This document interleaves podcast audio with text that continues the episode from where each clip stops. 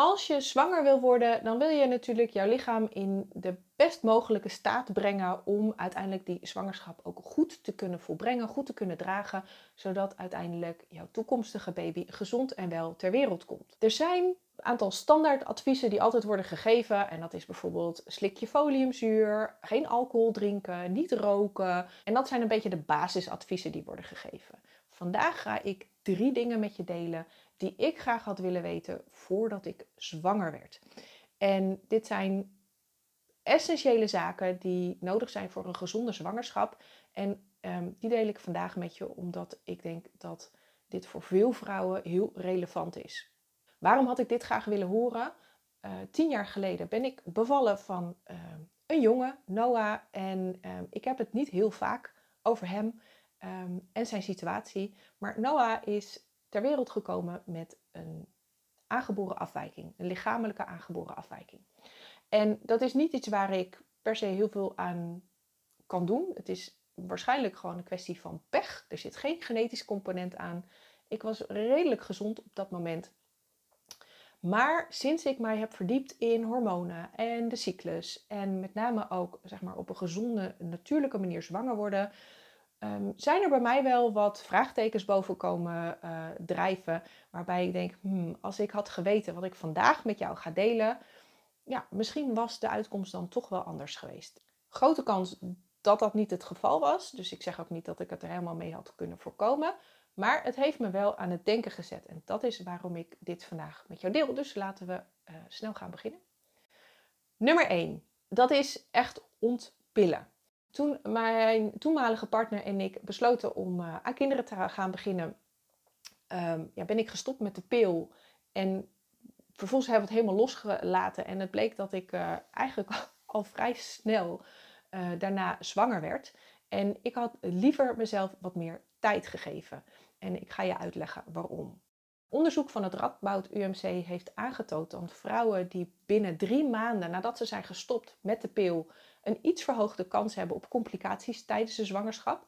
Uh, met name uh, op het gebied van uh, zwangerschapsvergiftiging of vroeggeboortes. Wat ook belangrijk is als je kijkt naar het gebruik van de pil en met name je eigen cyclus, dan wordt doordat je de pil gebruikt, en met de pil bedoel ik eigenlijk alle hormonale anticonceptie, doordat je dat gebruikt, wordt jouw eigen cyclus stilgelegd. Dat betekent dat er dus geen ovulatie plaatsvindt. Dus de eicellen die jij in je eierstokken in voorraad hebt, ja, die, die worden in een soort van slaaptoestand uh, gebracht. En juist die ovulatie, die rijping van die eicel, is natuurlijk belangrijk voor een zwangerschap. Nou, zo'n eicel heeft ongeveer drie tot vier maanden nodig om, om te rijpen en uiteindelijk tot ovulatie te komen. En alles wat jij in die drie tot vier maanden doet, heeft invloed op de kwaliteit van die eicel. En die kwaliteit van die eicel heeft niet alleen uh, is niet alleen belangrijk voor uiteindelijk zeg maar, de, ontwikkeling van een embryo, uh, maar ook voor de aanmaak van progesteron. Dus is die kwaliteit minder, dan is de kans groter dat de zwangerschap bijvoorbeeld in het eerste trimester wordt afgebroken. En omdat jij zeg maar, met de pil um, die eicellen ja, in een slaaptoestand hebt gebracht, kun je je voorstellen dat die eerste drie maanden dat, daar, ja, dat er nog niet zo heel veel gebeurt. Of dat dat dat dat in ieder geval de kwaliteit kan aantasten. Ik adviseer dus altijd om minstens drie maanden, maar het liefst nog zes maanden, uh, jezelf de tijd te geven om te ontpillen. Dus echt bij te komen van de effecten van de pil. Daar ga ik het zo meteen ook nog over hebben. Uh, maar ook om die rijping van die eicel zo optimaal mogelijk te houden. Wat er ook meespeelt op het moment dat je de pil hebt geslikt, is dat um, je lichaam extra voedingsstoffen nodig heeft en verbruikt uh, om die pil te kunnen, ja, te kunnen verwerken. En een aantal van die voedingsstoffen die zijn essentieel voor een gezonde zwangerschap. Denk met name aan uh, foliumzuur, bepaalde B-vitamines, uh, maar ook zink um, en magnesium. En op het moment dat jij dus de pil slikt, um, verbruikt jouw lichaam meer van die voedingsstoffen, is daarbij misschien je voeding ook niet helemaal optimaal, dan is de kans dus groot dat je een tekort hebt aan die voedingsstoffen en dat kan weer de, uh, ja, dat kan weer de kans op een zwangerschap, op een gezonde zwangerschap, negatief beïnvloeden. Een ander issue met de pil is dat het je darmgezondheid aantast. En uh, met name de samenstelling van je uh, microbioom. Het kan zelfs zo zijn dat daardoor een leaky gut ontstaat. En een leaky gut is eigenlijk heel in het kort een situatie waarin er bepaalde stoffen vanuit je darmen in je bloedbaan terechtkomen. En dat triggert je immuunsysteem en dat zorgt ook voor wat ze laaggradige ontstekingen noemen. En een verhoogd immuunsysteem en die laaggradige ontstekingen, die zorgen ervoor dat je eigenlijk verminderd vruchtbaar bent. Dus je wil dat vooral voorkomen en uh, ervoor zorgen dat dus jouw darmmicrobioom zo weer optimaal functioneert en dat er dus geen sprake is van die laaggradige ontstekingen. Daarbij is het zo dat onderzoek heeft uitgewezen dat 70% van onverklaarbare onvruchtbaarheid, dus waar geen medische uh, of andere reden wordt gevonden voor uh, de onvruchtbaarheid, dat die voortkomt uit een verstoorde microbioom in je darmen. Je lever en met name je darmen zijn dus erg belangrijk als het gaat om je hormonale disbalans, maar ook je vruchtbaarheid. Op het moment dat jouw darmen en, met, en jouw lever niet goed werken, kan er ook oestrogeendominantie ontstaan. Dat is een situatie waarin je eigenlijk verbruikt oestrogeen, wat je iedere maand zeg maar weer aanmaakt, dat dat blijft rondcirculeren in je lijf. En een verhoogd oestrogeengehalte kan ervoor zorgen dat je minder vruchtbaar bent of meer moeite hebt om zwanger te worden. En tot slot, wat nou, misschien niet direct invloed heeft op je zwangerschap, maar wat wel iets is om nou, misschien in je overwegingen mee te nemen, is dat het gebruik van de pil ehm, je hersenen beïnvloedt. En op zo'n manier dat je je aangetrokken voelt door partners die, waartoe je je misschien niet aangetrokken voelt op het moment dat je van de pil af bent.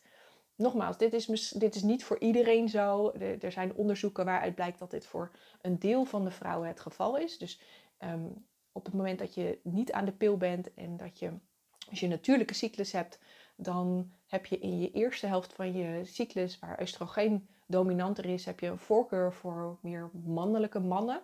Ehm, terwijl op het moment dat je in de tweede helft van je cyclus zit, zal je iets meer de voorkeur hebben voor ehm, meer zorgzame mannen, omdat die nou ja, betrouwbaarder zijn en uh, de kans groter is dat die jou helpen in de verzorging uh, met je kind. Dit zijn allerlei biologische overwegingen.